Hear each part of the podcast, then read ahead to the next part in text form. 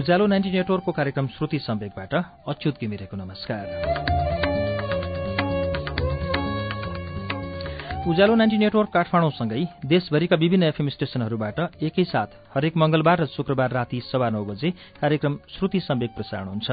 श्रुति सम्वेकमा हामी वरिष्ठ साहित्यकारहरूका उत्कृष्ट कृतिहरू वाचन गर्छौं।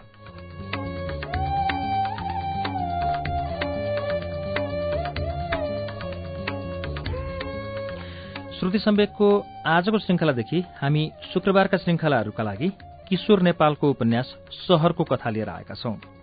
सहरको कथा गएको वर्ष दुई हजार अडसठीमा प्रकाशित उपन्यास हो। गत माघमा यसको दोस्रो संस्करण प्रकाशित भएको छ। यस उपन्यासको भूमिका स्वरूप किशोर नेपाल लेख्नुहुन्छ। सहरको कथा मेरो तेस्रो उपन्यास हो। यसलाई मैले रिपोर्टाज शैलीमा लेखेको छु। जीवनका क्रूरतम सत्यहरूलाई अभिव्यक्त गर्न मसँग योभन्दा प्रभावशाली शैली अर्को थिएन। यसका पात्रहरू पक्कै पनि काल्पनिक हुन्। घटना मानिसका दैनिक चर्यासँग जोडिएका छन्। नयाँ र पुरानो हुने र नहुने तथा स्थापित र विस्थापित जीवनहरूको यो विवरण धेरैका लागि प्रीतिकर नलाग्न पनि सक्छ। यसो हुँदैमा यथार्थको स्वरूप बदलिने होइन। मेरो पहिलो उपन्यास रङ्गमण्डलले राम्ररी घाम ताप्न पनि पाएन। दोस्रो उपन्यास पातलले पाठकको प्रचुर माया पायो। सहरको कथा द्वन्द्वकाल र त्यसपछि पनि देशको भ्रमणमा जाँदा मैले अनुभूत गरेका सत्यहरूको विवरण हो। सत्य सधैँ खरो र अप्रिय हुन्छ। त्यस्तो सत्य नबोल्नु भन्ने मान्यता स्थापित भएको छ हाम्रो समाजमा। मान्यताहरू जेसुकै हुन् ऐनामा राखेर हेर्दा पनि समाज त प्रतिबिम्बित नै हुन्छ।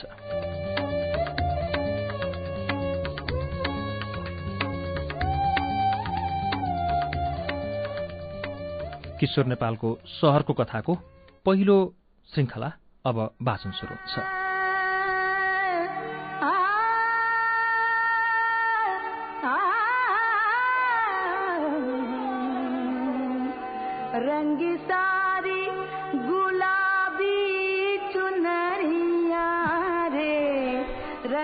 गर्ल्स होस्टेलको अफिस कोठामा एक्लै बसेर वैजयन्ती थारू बेला बेलामा दस वर्ष अघिको समय सम्झिन्छे र झस्किने गर्दछे। कति फराकिलो सपना देखेकी थिए उसले। आँखामा अहिले पनि सपनाका ती रङ्गी बिरङ्गी दृश्यहरू नाच्ने गर्छन्। सेतो कपडा लगाएकी एउटी केटी जसको घाँटीमा स्टेथेस्कोप झुन्डिएको छ हातमा औषधिको ट्रे छ अस्पतालको जनरल वार्डको बीचमा उभिएर ऊ बिरामीहरूको टेम्परेचर र प्रेसर नाप्दैछ। इन्जेक्सन लगाउँदैछ ड्रेसिङ गर्दैछ। ऊ साह्रै नरम भएकी सिस्टरका रूपमा बिरामी र बिरामीका आफन्तहरूबीच सम्मानित छे।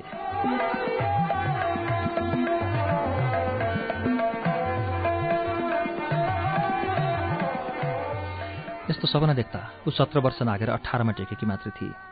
यो उमेरमा सपना देख्नेहरूको भविष्य निकै उज्यालो मानिन्थ्यो। त्यसमा पनि थारू परिवारकी छोरीले यस्तो सपना देख्नु त अद्भुतकै कुरा मानिन्थ्यो। बैजयन्तीका बाबुआमाले कुनै सपना देख्न पाएनन्। उनीहरूको लागि सपना देख्नु निषेध थियो। उमेरको प्रभावले वैजयन्तीका गालामा लाली चढ्न थालिसकेको थियो। आमा भन्न थालेकी थिए। होइन अब यसको बिहे गरिदिनुपर्छ। बाबु किसनलाल चौधरी जवाफ दिन्थ्यो। अहिले यसलाई पढ्न देऊ न। के को हतार भएर बिहे गर्न?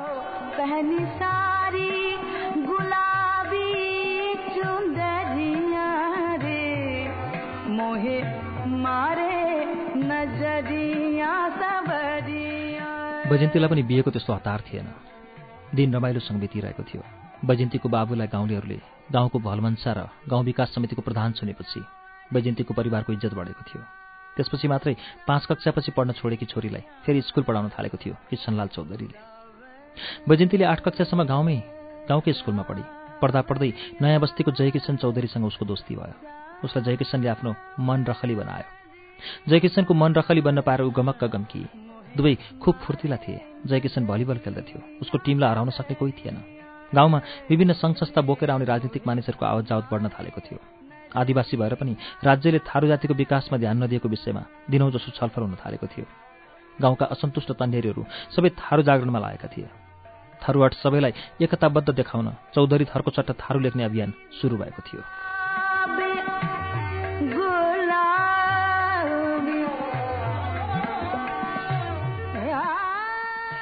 देखासिकेमा वैजयन्ती र जयकिशन दुवैले नामको पछाडि चौधरीको सट्टा थारू लेख्न थालेका थिए। वैजयन्ती आमा समूहले सुरु गरेका सामाजिक काममा खट्ने गरेकी थिए। समूहको तर्फबाट सूचना जारी गर्ने र चिठी पत्र लेख्ने जिम्मा उसकै थियो। ऊ बेला बेलामा आमा समूहकी अध्यक्षले दिएको निर्देशन अनुसार सरसफाई घरेलु बचत र पानी पँधुरेका सूचनाहरू लेख्दथे र गाउँ विकास भवनको भित्तामा गोबर लगाएर चिप्काइदिन्थे। यस्ता प्रत्येक सूचनाको पुछारमा ऊ आदेशअनुसार शब्द लेखेर घुमाउरो पाराले डिजाइन गरेको वैजयन्ती सही गर्दथे। जयकिशन विद्यार्थी राजनीतिमा लागेको थियो। जी जी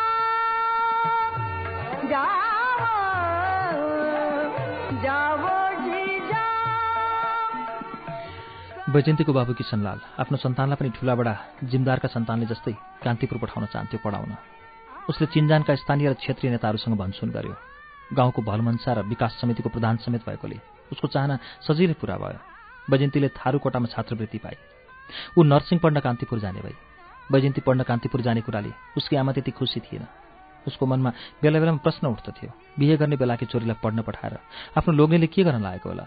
यो केटी अर्को जातिको केटासँग पोइल गई भने त थारू जातिको नाकै काटिन्छ नि।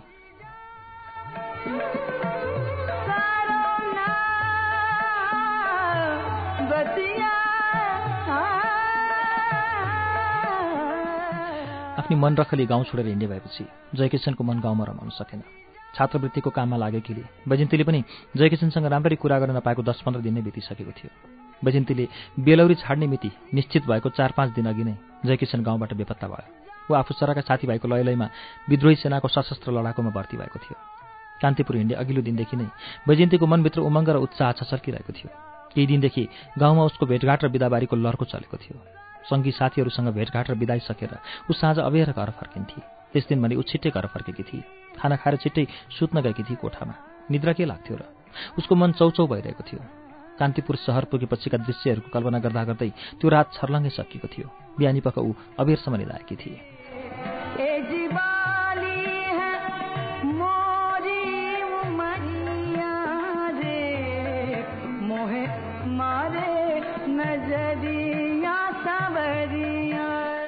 महेन्द्रनगर बस स्टेसनबाट दिउँसो तीन बजेतिर कान्तिपुरका लागि घुइँकिएको रात्रि बस चढ्दा निकै रमाइलो लागेको थियो उसलाई। बेलौरीबाट महेन्द्रनगर आउँदा जाँदा बाहेक मोटो चढेर ती लामो सफर कहिले गर्न पाएकी थिएन वैजयन्तीले। त्यसमा पनि ऊ पहिलोपटक कान्तिपुर जाँदै थिए। कान्तिपुर त उसको बाजेले देखेका थिए अरे बाबु कहिले गएका थिएनन्? उसले बाजेबाट कान्तिपुरको वर्णन सुनेकी थिए। तर केटाकेटीमा सुनेका कुरा सबै कहाँ याद रहिरहन्छन्? अहिलेसम्म सीमापारीको खटीमा भन्दा ठुलो सहर नदेखेकी वैजन्ती आफ्ना बाजेले बताएका दृश्यहरूको काल्पनिक तस्विर संयोजन गर्दै सबैको सपनाको सहर कान्तिपुर जाँदै थिए।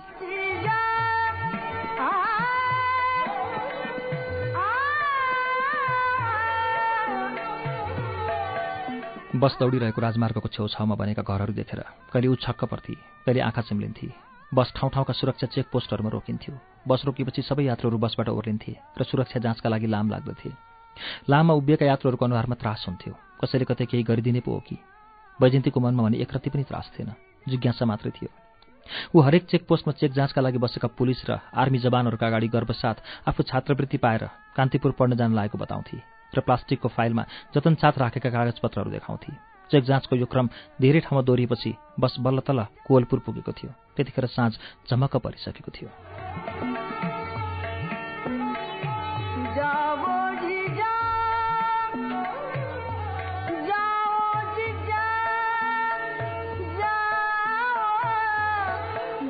जाओ कोवलपुरमा खाना खाएर बसमा बसेपछि भुसुक्क निधाएकी वैजयन्ती बस बिहानी पख नौ बिसेमा रोकेपछि मात्रै बिउजिएकी थिए। चलमल्ल काम लागिसकेको थियो। नयाँ वातावरण देखेर ऊ झस्केकी थिए। कति बजे होला? उसलाई समयको अन्दाज नै हुन सकेको थिएन। एउटा घडी त किन्नै पर्ने रहेछ उसले सोची त्यसपछि बिस्तारै बसबाट ओर्लिएर छेउको झाडीतिर बसी। यात्रुहरूले चिया पिइसकेपछि बस हिँड्यो र दुई घन्टामा सपनाको सहरमा पुगेर रोकियो। उसलाई लिन नातामा मामा पर्ने भरतराम चौधरी बस स्ट्यान्ड आएको थियो। उसैले वैजन्तीलाई स्कुलसम्म पुर्याएर हेडमास्टरको जिम्मा लगाइदियो र हिँड्यो।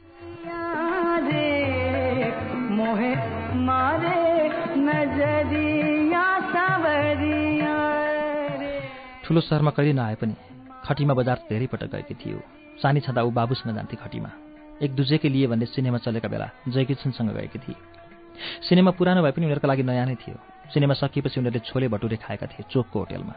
त्यसपछि एक पोकावाल मिठाई बोकेर उनीहरू फर्केका थिए। जयकिसन सिनेमा भनेपछि हुरुक्क हुन्थ्यो।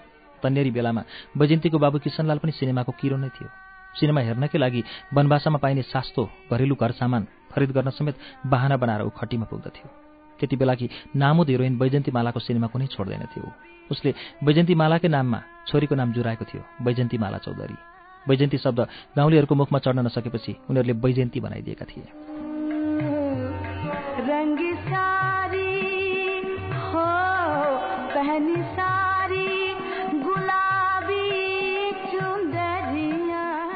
स्कुलको होस्टेलको नियम कडा थियो। खास गरेर केटीहरूका लागि होस्टेल प्रबन्धकले निकै कडा नियम बनाएको थियो।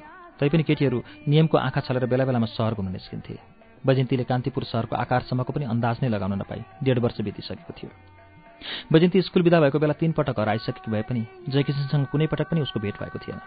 मनमा जयकिसनलाई भेट्ने अर्को लालसा नभएको होइन। दोस्रो पटक घर आएका बेला उसले बाबुआमासँग उसका बारे सोधेकी थिए। जयकिसनको नाम सुन्ने बित्तिकै किसनलाल आगोले पोलेको जस्तो झस्केको थियो। उसले बैजन्तीलाई सम्झाउँदै भनेको थियो उसको त नामै नलिनु तैँले त्यसको त अनुहार पनि बिर्सिदिनु। त्यस्तो लुटमार गर्दै हिँड्ने जङ्गलीहरूको नाम पनि लिनु हुँदैन। त त सरकारले जागिर दिएर पढाएको मान्छे पो होस्।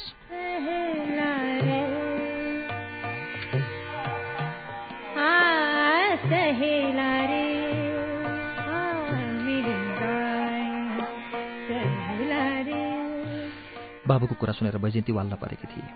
बाबुले भने जस्तो मनबाट जयकिसनको नाम र अनुहार नै मेटाइदिनु त्यति सजिलो थिएन। तैपनि उसले बाबुको कुरा काटिन। त्यति बेला ठुलो आन्दोलनको तयारी चलिरहेको थियो। कलेज विदा भएको मौका पारेर ऊ तेस्रो पटक गाउँ आएकी थिए। समीकवश उसको र जयकिसनको अन्तिम भेट अचानक भएको थियो।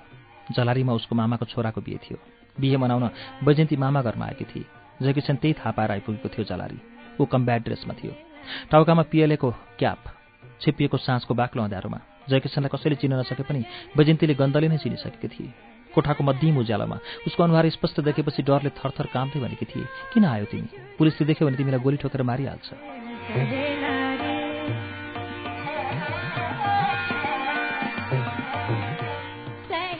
आफ्नी मन रखली त्यसरी आत्तिएको देखेर जयकिसनलाई हाँसो उठेको थियो। मनबाट सरकारको डर र परिवारको माया हटिसकेको जयकिसनको थियो। तैपनि मनको कुनै कुनामा आफ्नी मन रखलीको माया जोगिएर बसेको थियो। कस्ती भएछ मन रखली उसको मुहार हेरिहालौँ न त भने रहरले ऊ खतरा उठाएर गाउँ छिरेको थियो। जयकिसन त्यहाँ धेरै बेर बसेन। सुँगुरको मासु र रोटी खाएर दस पन्ध्र मिनटमा निस्कियो। ऊ त्यहाँ बसुन्जेलसम्म बैजन्ती उसलाई ठुलो ठुलो हेरिरहेकी थिए। जयकिसनलाई देखेर ऊ यति धेरै डराएकी थिए कि लगाएका कपडा पसिनाले नेत्रको भिजिसकेका थिए।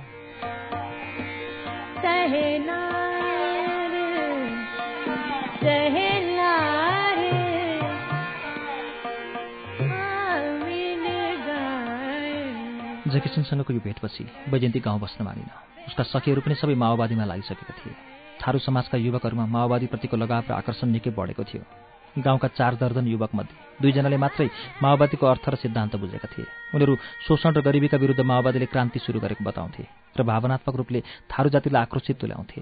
भावनाको अगाडि सिद्धान्तको के नै महत्त्व रहन्छ? भावनामा नभकिएसम्म मर्न मार्न कोही तयार हुँदैनन्। बैजन्तीको गाउँको अवस्था निकै डरलाग्दो थियो। ऊ पढेका स्कुलका भित्ताहरू रङ्गीचङ्गी रङ्गले राजा र सेनाको विरोधमा लेखेका नाराहरूले रङ्गिएका थिए। उसको बाबुलाई भलमन्सा र प्रधानका रूपमा काम गर्न दिइएको थिएन। उसकै परिवारका दुईजना काकाहरू माओवादी सेनामा भर्ती भइसकेका थिए। बाबुले केही नबताए पनि गाउँका काकाहरूले उसको बाबुलाई अफिस सञ्चालन गरे माओवादीले मारिदिने धम्की धेरै पटक दिइसकेको बताएका थिए। उसको बाबुलाई गाउँको प्रधान भएपछि गाउँ विकासका लागि आएको रकम हिनामिना गरेको आरोप लागेको थियो। यो सुनेपछि त उसलाई आफू हुर्केको माटोसँगै डर लाग्न थालेको थियो। गाउँका भैँसी खेल्ने आलाहरू मानिसको रगतले भरिएको जस्तो लाग्न थालेको थियो।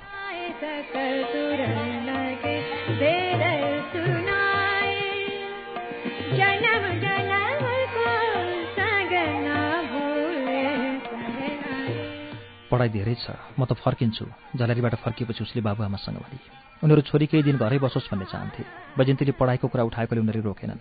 उसले भोलिपल्टको बस समाति फर्किँदा बाटाका धेरै ठाउँमा चेकिङ थियो। अघिल्लो दिन अढाई बजी हिँडेको बस लमही पुग्दा भोलिपल्ट बिहानको दस बजिसकेको थियो।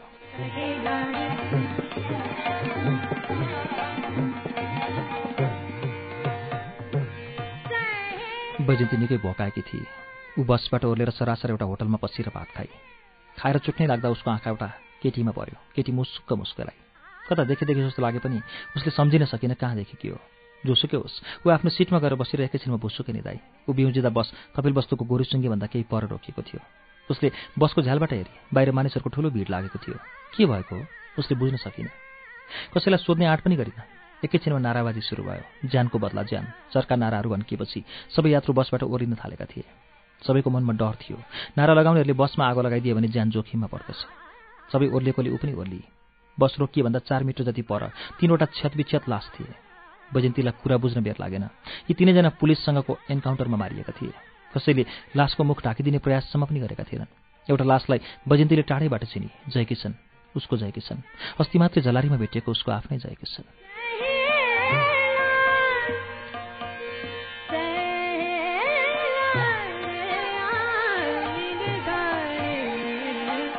उसलाई भाउन भान्न छुटेर आयो। एकैछिनमा ऊ हिक हिक गरेर रुँदै बसको सिटमा फर्की। सिटमा बसेपछि उसले हिक्का त जबरजस्ती रोकी तर आँखाबाट झरिरहेका आँसुका बलिन्द्र धारा रोक्न सकिन। केही बेरपछि माओवादीको एउटा दस्ता कता कताबाट घटनास्थलमा आइपुग्यो।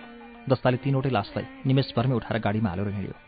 केही बेरको गफलतपछि वैजयन्ती चढेको बस पनि आफ्नो बाटो लाग्यो। बसका यात्रुहरू सबै चकमन्न थिए। कोही केही बोलिरहेका थिएनन्। सबैको मनमा भयले एउटा ठुलो ठाउँ ओगटेको थियो। वैजयन्ती निर्निमेष स्यालबाट बाहिर हेरिरहेकी थिए। उसका आँखा दृष्टिले धान्न सके जति टाढासम्म तानिएका थिए। मनभित्रको बबन्डर अलिकति पनि थामिएको थिएन। सूर्यास्तको समय भइसकेको थियो। वैजयन्तीको आँखामा जयकिसन नाचिरहेको थियो।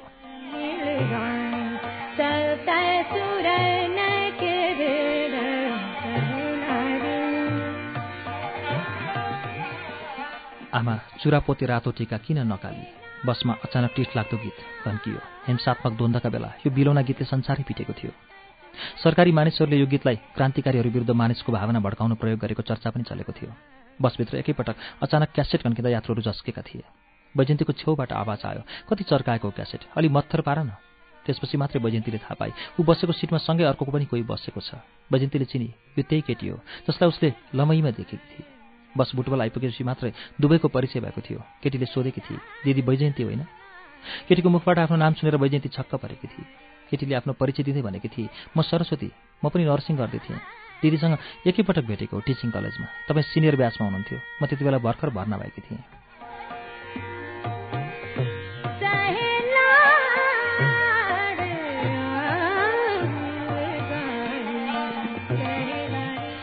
वैजयन्तीले ए मात्र भनी केही बोलिन। सरस्वती आफ्नै धुनमा एकहोरो बोलिरहेकी थिए। बा गाउँमा पसल चलाएर बसेका थिए। माओवादी बेला बेलामा चन्दा माग्न आउँथे। सुराकीले थाहा पाएपछि बाला आर्मीले पक्रेर लग्यो। उनी अहिलेसम्म फर्केर आएका छैनन्। मरे बाँचेको पनि पत्तो छैन। बा थिएर पो पढ्ने खर्च जान्थे। बेपत्ता भएपछि पढाइ सढाइ हावा खायो। म त इजरायल जान हिँडेँ कि? केयर गिभरको काम पाएकी छु।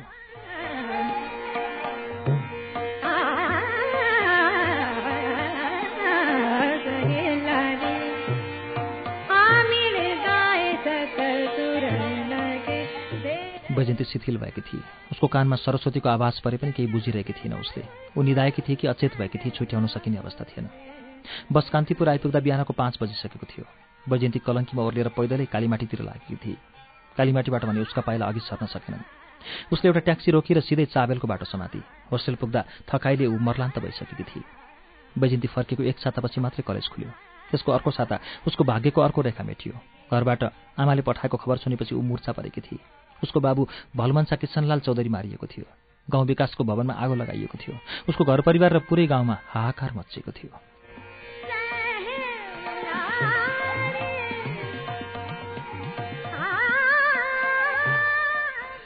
बेसहारा भएकी वैजयन्तीले राम्ररी पढ्न सकिन। ऊ परीक्षामा फेल भई उसको छात्रवृत्ति रोकियो। घरको अवस्था राम्रो थिएन। बाबु मारिएपछि जो भएको सम्पत्ति लुटिएको थियो। मानसिक सन्तुलन गुमाएकी आमा महेन्द्रनगरमा उपचार गर्दा गर्दै हराएकी थिइन्। एक्लै वैजयन्ती कान्तिपुरका गल्लीहरूमा कामको खोजीमा मौतारिँदै थिए।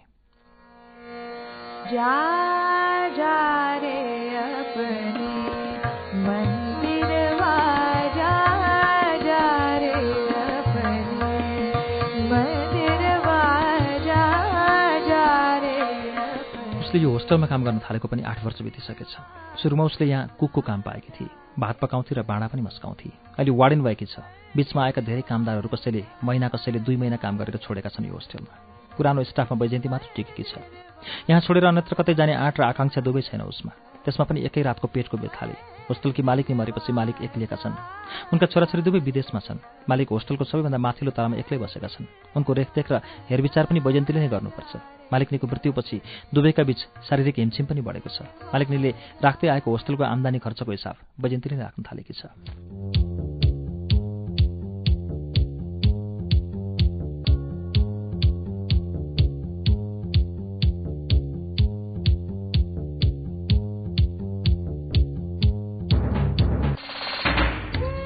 कार्यक्रम श्रुति सम्वेगमा हामीले अहिले सुनिरहेको किशोर नेपालको उपन्यास सहरको कथाको वाचन हो। यसको बाँकी अंश केही बेरमा वाचन हुनेछ। उज्यालो सुन्दै गर्नुहोला।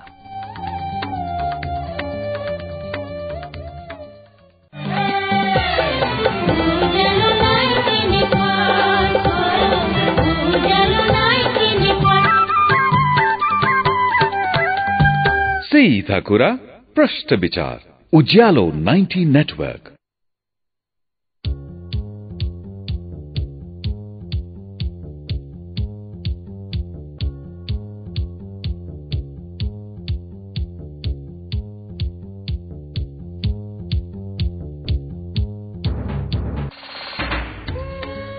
कार्यक्रम श्रुति सम्वेक तपाईँ अहिले उज्यालो नाइन्टी नेटवर्क काठमाडौँसँगै इलाम एफएम रेडियो ताप्लेजुङ झापाको एफएम मेचिट्युन्स र बिर्ता एफएम धरानको विजयपुर एफएम भोजपुरको रेडियो चमलुङमा एफएम सिन्धुलीको रेडियो सहारा खोटाङको हलेसी एफएम बर्दिवासको रेडियो दर्पण सर्लाहीको रेडियो एकता रौतहटको नुन्थर एफएम रामेछापको रेडियो तीनलाल खोटाङको हलेसी एफएम दोलखा जिरीको रेडियो हिमाली धादिङको रेडियो बिहानी र धादिङ एफएम नुवाकोट एफएम काभ्रे धुलीखेलको रेडियो सेफर्ड मकवानपुरको हेटौँडा एफएम र प्रतिध्वनि एफएम चितवनको रेडियो अर्पण रेडियो त्रिवेणी र रेडियो चितवनमा पनि सुनिरहनु भएको छ।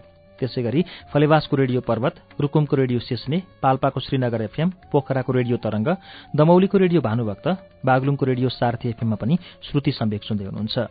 रेडियो प्युठान दाङको रेडियो मध्यपश्चिम बुटबलको तिनाउ एफएम र बुटबल एफएम गुल्मीको रेडियो रेसुङ्गा कपिलवस्तुको रेडियो बुद्ध आवाज रेडियो कोवलपुर सल्यानको रेडियो राप्ती जाजरकोटको रेडियो हाम्रो पाइला कैलाली टेकापुर र गुलेरियाको फुलबारी एफएम दाङको रेडियो प्रकृति एफएम सुर्खेतको रेडियो भेरी जुम्लाको रेडियो कर्णाली र कालीकोटको रेडियो नयाँ कर्णालीबाट पनि अहिले एकैसाथ श्रुति सम्वेक प्रसारण भइरहेको छ। श्रुति सम्वेकमा हामी आज किशोर नेपालको उपन्यास सहरको कथाको पहिलो श्रृङ्खला सुनिरहेका छौं। अब यसैको बाँकी अंश बाँच्न सुनौ।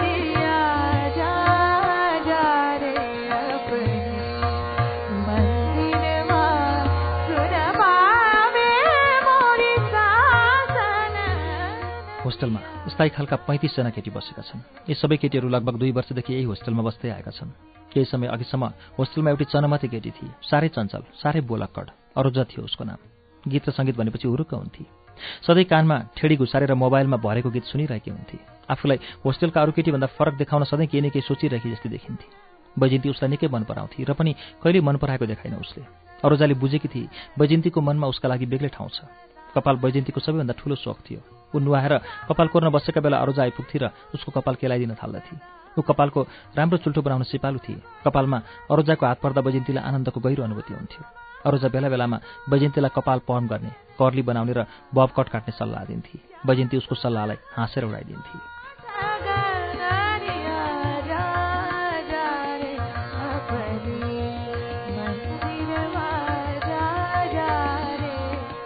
कहिले पनि समयमा होस्टेलको फी बुझाउँदैन थियो अरोजा कहिले तिन महिना कहिले पाँच महिना पनि लाग्दथ्यो। मालिकनी बाँचुन्जेल बैजयन्ती अरोजाको हिसाब लुकाएर राखिदिन्थे तर लुकाउने पनि त सीमा हुन्छ। एकपटक मालिकनीले अरोजाको हिसाब पक्रेर हङ्गामा मचाएकी थिइन्। उनले अरोजालाई जथानाम गाली गरेकी थिइन्। गाली सुनेर अरोजाका आँखाबाट आँसुको भेल लागेको थियो। बैजयन्तीलाई कति नमजा लागेको थियो त्यतिखेर। गाली थामेपछि अरोजा बिस्तारै उठेर होस्टेलबाट बाहिरिएकी थिए। त्यो दिन ऊ फर्किन भोलिपल्ट बिहानै आएर बैजयन्तीको हातमा दस हजार रुपियाँ दिँदै भनेकी थिए अब यो होस्टेलमा बस्ने मेरा दिन सकिए जस्तो छ। काम लागेपछि एक मिनट पनि बस्दिनँ यहाँ म। यति जब पैसाका लागि बाबुआमाले पनि कहिले नगरेको गाली सुन्नु पर्यो मैले।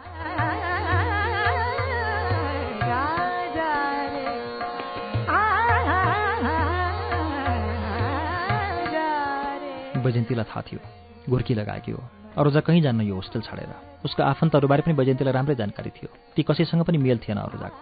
बेला बेलामा क्याम्पसका फी तिर्न बैजयन्तीसँग पैसा सापटी माग्थे अरूजा। बैजयन्ती अरूजालाई परेको बेला मद्दत गर्थे। अरूजाको आम्दानीको कुनै बाटो थिएन। ऊ अरू केटीहरू जस्तो झिल्की बनेर पनि हिँड्दैनथे। झिल्केर हिँड्ने कति केटीका त दर्जनौँ बोयफ्रेन्ड हुन्थे। उनीहरूलाई पैसाको गाह्रो साह्रो परेको कहिले थाहा पाएकै थिएन बैजयन्तीले केटीहरू खुलेआम बोयफ्रेन्डलाई बोलाउँथे र घुम्न निस्किन्थे। होस्टेल व्यवस्थापकले अहिलेसम्म कसैलाई रोकथोक गरेको थियो। अहिले पनि त्यस्तो कुनै रोकथोक गर्दैन। केटीहरूको साह्रै बदनामी भयो भने मात्रै हो नत्र व्यवस्थापकले अर्काको निजी जिन्दगीमा चासो लिने कुरा पनि रे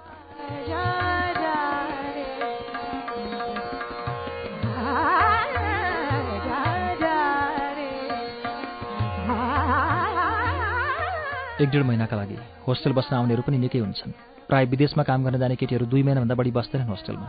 स्थायी हिसाबले बस्नेहरू कोही पनि मिल्दैनन् एकअर्कासँग। पैँतिसजनामध्ये केही सहरिया खालका छन्। केही केटीहरू गाउँबाट कामको खोजीमा सहर पसेका छन्। केही अभिनय क्षेत्रमा जम्न चाहन्छन्। केही बार डान्सरको काममा लागेका छन्। एउटा कुरामा भने सबै केटीहरू समान छन्। अहिलेसम्म एकजनाले पनि समयमा होस्टेलको फी बुझाएका छैनन्। एक दिन अचानक आए अरूजा र आफूले बुझाउनु पर्ने फी सबै बुझाइ बैजयन्तीसँगको हिसाब पनि चुक्ता गरेर भने दिदी म भोलिदेखि होस्टेल छोड्दैछु। अरूजाको कुरा सुनेर बैजयन्ती जसँग भई। ऊ निकै बेरसम्म केही बोल्नै सकिन।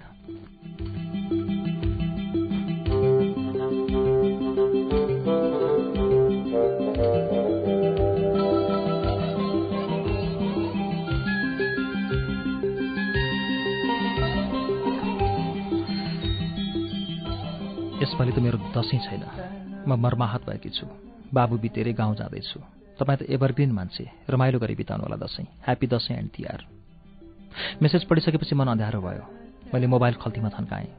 प्राविधिक रूपमा मेरो मोबाइल निर्जीव र निष्प्रिय भइसकेको थियो। त्यसमा एउटा लोकल कल गर्न सकिनेसम्म पनि पैसा थिएन। त्यस्तो हविगतमा पुगेको मोबाइलमा अचानक मेसेज टोन बज्दा पहिले त मलाई लागेको थियो कम्पनीको सर्भिस मेसेज होला। मेसिनमा पैसाको तागत कम हुँदै गएपछि मोबाइल कम्पनीहरूले लगातार अटोमेटेड सूचना दिइरहेका हुन्छन्। कुन ग्राहकको खल्तीमा पैसा छ र कुन ग्राहक टाट पल्टिएको छ भन्ने मतलब हुँदैन उनीहरूलाई। त्यसरी पनि निकै बेरसम्म मैले भर्खरै आएको मेसेजमा ध्यान दिएको थिएन।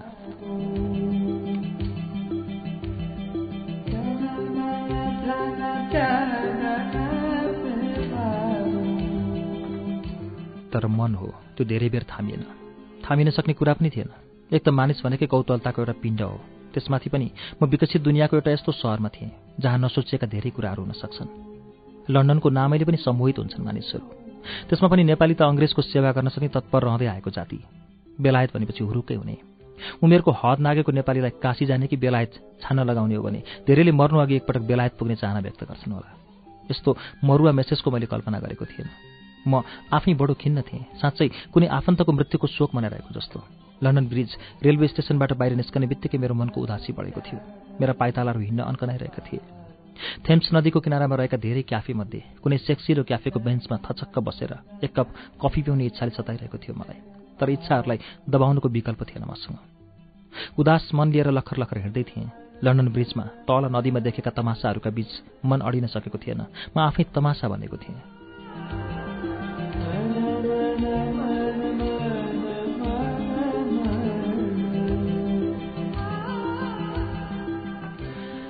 मध्य दसैँको त्यो बेला लन्डन सहरमा एक्लै थिएँ म।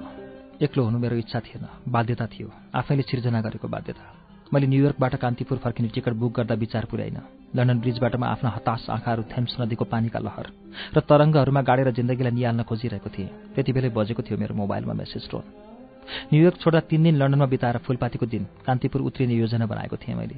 तर त्यो योजना लन्डनको हिथ्रोमा ओरिने बित्तिकै धराशायी भएको थियो। न्युयोर्कबाट लन्डन हुँदै कान्तिपुरसम्म पुगिने सस्तो टिकट खोज्दा खोज्दै एउटा अविश्वसनीय ट्राभल एजेन्टको फन्दामा परेको थिएँ म।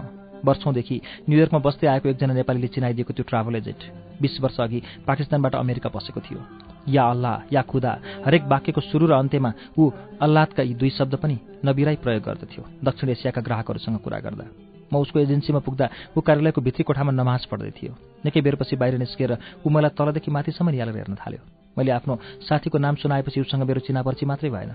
एकैछिनमा सम्बन्ध घनिष्ठ भयो। या अल्लाह या परवर्दिगार उसले ईश्वरलाई सम्झिँदै भनेको थियो। Don't worry my dear you are like my brother I will arrange everything for you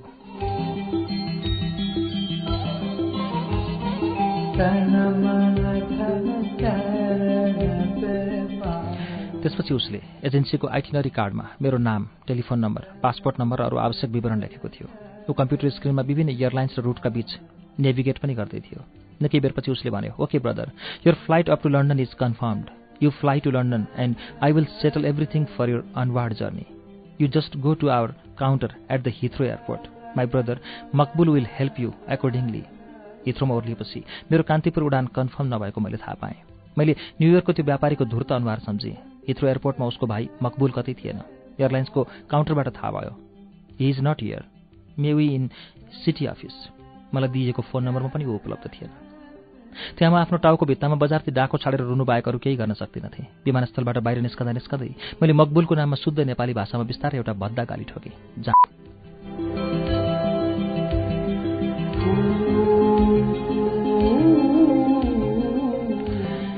हवाई उडानका हिसाबले लन्डन र कान्तिपुर बीचको दूरीलाई धेरै लामो भन्न मिल्दैन।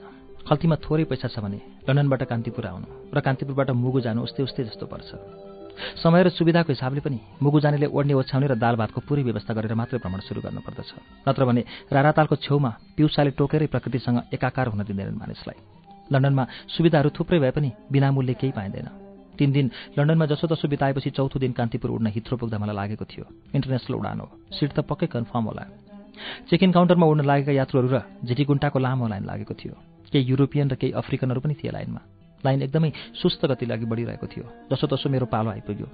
विमान कम्पनीको पाकिस्तानी कामदारले पहिले मेरो टिकट हेऱ्यो। त्यसपछि कम्प्युटर हेरेर मेरो उडान चार दिनपछिका लागि मात्र कन्फर्म भएको जानकारी दियो। मेरो शरीर शीताङ्ग भयो। मैले उत्तेजित हुँदै सोधेँ वेयर इज मकबुल मेरो प्रश्न काउन्टर क्लर्कको कानमा पर्दै परेन। उसले अर्को यात्रु बोलायो नेक्स्ट प्लिज छेउमा उभिएको लोडरले मलाई लाइनबाट हटाउँदै टिपिकल हिन्दुस्तानी शैलीमा भन्यो अरे भाइ साहब हटो यहाँ से आप। मकबुल साहब कहीँ कहीँ कहीँ होंगे।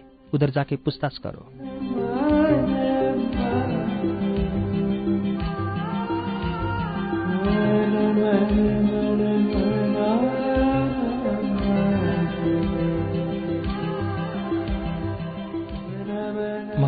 एयरपोर्टमा मात्र होइन लन्डन सहरमा नै थिएन। एयरलाइन्सको रिसेप्सन डेस्कमा काम गर्ने बङ्गलादेशी लोडरले बल्ल तल जानकारी दियो। Maqbool is out of station उन्होंने चौथी बार शादी बनाया है ना हनीमून मनाने he is in Paris but also in your case way लोग कुछ नहीं करेगा। साला सब बदमाश है। जनरल मिस्टेक बोल देगा। हमारा बांग्ला के साथ भी ऐसा हुआ है। वो लोग अभी चार दिन से बाहर में बैठा ऐसा में मकबुल साहब कहाँ आएगा एयरपोर्ट? नयाँ टिकट किनेर कान्तिपुर पुग्ने सम्भावना शून्य थियो तीन दिनको लन्डन बसाएपछि मसँग जम्मा बचेको थियो साठी पाउन्ड सरासर उड्न पाएको भए हित्रो विमानस्थलको ड्युटी फ्रीमा एक बोतल विस्की एक कार्टुन चुरोट र एक प्याकेट स्विस चकलेट किन्न साठी पाउन्ड मनग्गी पुग्थ्यो तर एयरपोर्ट बाहिर लन्डन सहरमा यति पैसाको कुनै महत्व थिएन खल्तीमा साठी पाउन्ड राख्ने मानिसले चार दिनसम्म लन्डनमा केही गर्न सक्दैनथ्यो कफी र चुरोटको त कुरै छडौँ त्यति जब पैसा ट्युबको टिकट किन्न समेत पनि पर्याप्त थिएन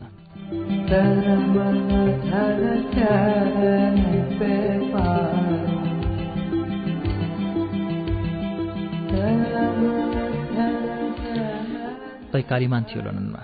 कालीमानले तिन दिन मलाई शरण दिइसकेको थियो। अब थप चार दिन उसको सानो कोठामा खाद्य बिताउनु थियो मैले। जसरी तसरी घाँस बाँसको गुजारा चल्न सक्दथ्यो। लन्डन घाँस र बाँसको सहर होइन। यो त पब र डान्सको सहर हो। कालीमान र म सहपाठी थियौँ। उसले र मैले एकैसाथ कलेज पास गरेका थियौँ। दुवैले पढेका थियौँ नेपाली संस्कृति। हामी दुवैको रुचि एन्थ्रोपोलोजीमा थियो। त्यसबाहेक नाइट कलेजको क्लास छाडेर सहरका भट्टी पसलहरू चार्ने बानी थियो हामी दुवैको। जतिसुकै रक्सी पिए पनि अन्तिम पिरियडमा पढाइने एन्थ्रोपोलोजीको क्लास हामीले कहिले छाडेनौँ।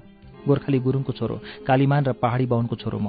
पढाइमा दुवै औसत खालका विद्यार्थी थियौँ। अङ्ग्रेजीमा सधैँ लुस तर टेक्स्ट बुक बाहिरको ज्ञानमा हामीलाई जित्ने कोही थिएन। गफ हाँक्न हामी दुवै बडो सिपालु थियौँ।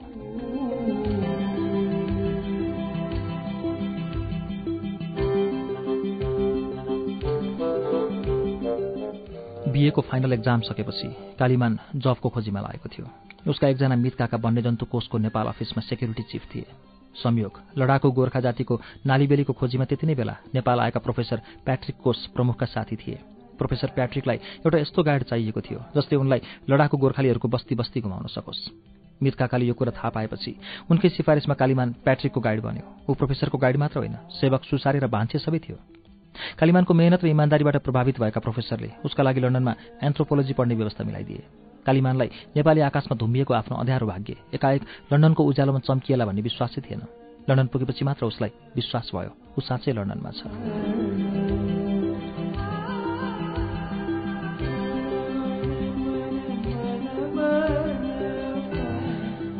तर उसको भाग्यको छेउछाउमा नेपालबाटै दुर्भाग्य पनि टाँसिएर आएको रहेछ क्यार।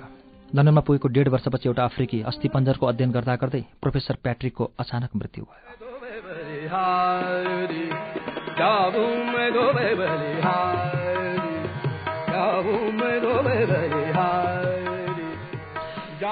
डेढ वर्षको अवधिमा कालीमानले प्रोफेसरकी छोरीलाई लाइन मार्न पनि भइसकेको रहेछ। अघिल्लो पटकको भेटमा उसले मलाई लेग्रो तान्दै बताएको थियो लभै त गरेको होइन तँलाई के डाँट्नु? बेला बेलामा ऊ मलाई रेस्टुरेन्टलाई जाने गर्दथ्यो। सँगै बियर खाएका बेला ऊ पनि राखिन्थे र मलाई पनि रन्का छुट्थ्यो। खासै राम्रै थिएन अनुहारभरि कत्ला थियो। यहाँको एक्लो जीवनमा साथीको आवश्यकता पर्दा कत्ला भए पनि भुत्ला भए पनि बेस थिए ऊ धेरै दिन लन्डन बसिन सिटी कर्पोरेसनको छात्रवृत्तिमा एमआइटी गर्न म्यानेजमेन्ट पढ्नु बाबुको अन्त्येष्टिमा देखेको थिएँ कुरा गरौँला भन्दै थिएँ ऊ त हाई पनि नभने हिँडिसकेछ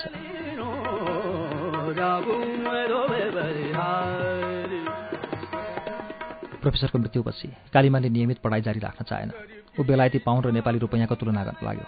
एक पाउन्डकै घटीमा पनि एक सय पच्चिस रुपियाँ। पढेर गर्नु के? त्यसपछि ऊ तीन महिना पढ्न र नौ महिना काम गर्न थाल्यो। बेलायतमा बसेर काम गर्ने अरू नेपालीलाई जस्तो। कालीमानलाई देशभक्तिको भूतले पनि कहिल्यै पिरोलेन। गुन्द्रुकको सम्झनाले पनि सताएन।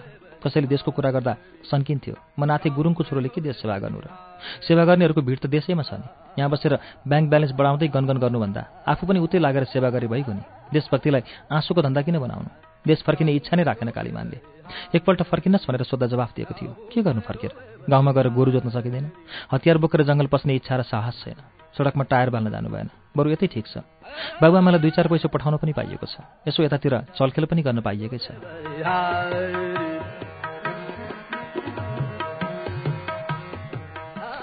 अचेल ऊ सियर्स कम्पनीको बेभरेज डिपार्टमेन्टमा सुपरभाइजर थियो। काम खासै केही थिएन। बिक्रीका लागि आएका पेय पदार्थहरूको चेक जाँच गर्नु र कम्प्युटर रेकर्ड मेन्टेन गर्नु। काम गर्दै जाँदा त्यही स्टोरमा काम गर्ने एउटी बङ्गाली विधवासँग इलु इलुमा थियो। उसको सम्बन्ध गुपचुप थिएन। मानिसहरू अर्काको मामिलामा चासो राख्दथे र पनि चासो राखेको जस्तो देखाउँदैनथे नेपालमा भए यस्तो र उस्तो भनेर उचितो गरिसक्थे। उसले बङ्गाली विधवासँग आफ्नो सम्बन्धको मलाई जानकारी दिएको थियो। नियमित नपढे पनि एन्थ्रोपोलोजीमा उसको रुचि घटेको थिएन। भिसाका लागि मात्र कलेजलाई पैसा बुझाइरहेको थियो उसले। तीन वर्षपछि ऊ बेलायतको नागरिक बन्दै थियो। त्यतिन्जेल जसरी त्यसरी टिक्नु थियो उसलाई। बेलायतको नागरिक कसरी बनिन्छ जान्ने रहर त मलाई पनि थियो। केही नलागे यतै घस्रिएर मर्नुपर्ने हो कि जस्तो लाग्दथ्यो कहिलेकाहीँ। शरणार्थीको रूपमा अथवा अरू कुनै अवतारमा तर नागरिक कसरी बन्ने मैले सोधिनँ र उसले पनि बताए।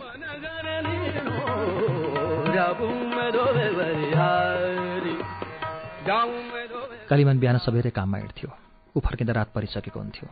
तोकेको घन्टाभन्दा चार घन्टा बढी काम गर्दथ्यो नियमित। राति कोठामा फर्केर फ्रिज खोल्थ्यो र बियरको क्यान निकाल्थ्यो। ऊ बियर तान्दै भात पकाउँदै गर्दथ्यो। कति क्यान बियर तान्थ्यो उसैलाई पनि थाहा हुँदैन थियो। बेला बेलामा ऊ बियर तान्दा तान्दै भुसुक्क निदाउँथ्यो सामान्य अवस्थामा एक गाँस तातो भात नखाई उसलाई निद्रा पर्दैन थियो। बङ्गाली विधवासँग प्रेम मोहब्बतको चक्कर सुरु भएपछि कालीमानले आफ्नो जीवनमा केही सुधार आएको अनुभव गरेको थियो। बितेका तिन दिनदेखि काममा हिँड्नु अघि कालीमानले मसँग सोध्ने गरेको थियो तेरो गोजीमा पैसा छ कि छैन? मैले जति लुकाए पनि उसलाई मसँग पैसा नभएको थाहा भइसकेको थियो। हिँड्ने बेला ऊ म सुत्ने ओछ्यानको तकियामाथि बिस पाउन्डको नोट चुपचाप राखेर हिँड्थ्यो। उसको यो व्यवहारले मलाई भावुक बनाएको थियो। उडान बिथोलिएर म दोस्रो पटक उसको गुम्बजमा फर्किएपछि ऊ दुःखी भएको थियो। मेरो अवस्था देखेर पनि र आफ्नै प्रियतम डिनरमा आउन नसक्ने सूचना पाएर पनि। त्यस दिन उसले प्रियतमालाई डिनरको निम्तो दिएको रहेछ। उसले हाँस्दै भनेको थियो पिरियडमा परिछ नत्र त त किचनमा सुत्नुपर्ने अवस्था आउने थियो।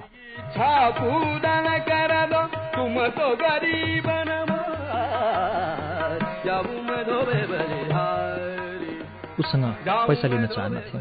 ऊ लन्डन नभएको भए खाने बस्ने पिर पनि थपिने थियो। कफी र चुरोटको आनन्द लिन उसैसँग पैसा लिनु मलाई ठिक लागेको थिएन।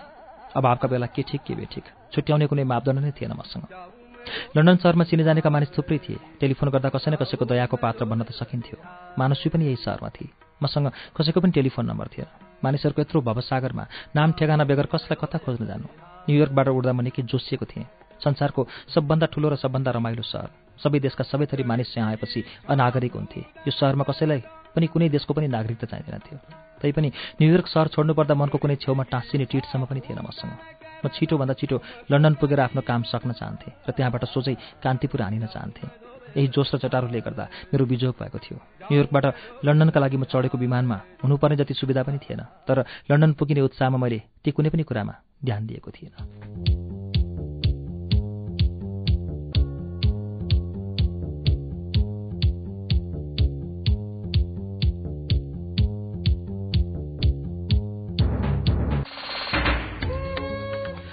श्रुति सम्वेगमा अहिले हामीले सुनेको वाचन किशोर नेपालको उपन्यास सहरको कथाको वाचन हो। यसै वाचनसँगै अब आजलाई कार्यक्रम श्रुति सम्वेकबाट बिदा लिने बेला भएको छ। बिदा हुनु अघि हाम्रो ठेगाना कार्यक्रम Shruti Sambek Ujyaalo ninety network post box number छ चार छ नौ काठमाडौँ। यदि तपाईँ इमेलबाट आफ्नो प्रतिक्रिया दिन चाहनुहुन्छ भने हाम्रो इमेल ठेगाना SSRUTI Shruti at UNN dot com dot NP रहेको छ।